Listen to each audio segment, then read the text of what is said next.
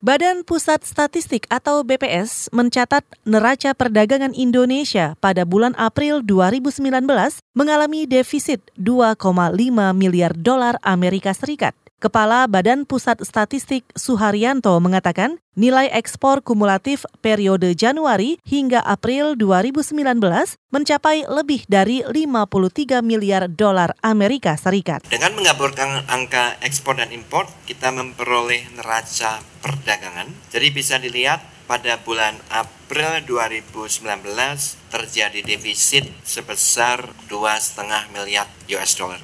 Defisit 2,5 miliar itu berasal dari defisit migas 1,49 miliar dan juga defisit non migas sebesar 1,01 miliar US dollar. Demikian Kepala Badan Pusat Statistik Suharyanto. BPS mencatat perkembangan harga ekspor dan impor bulan Maret hingga April 2019 berpengaruh pada neraca perdagangan tahun ini. Perekonomian yang cenderung melambat, fluktuasi komoditas, dan politik global menjadi sejumlah faktor yang mendorong penurunan ekspor.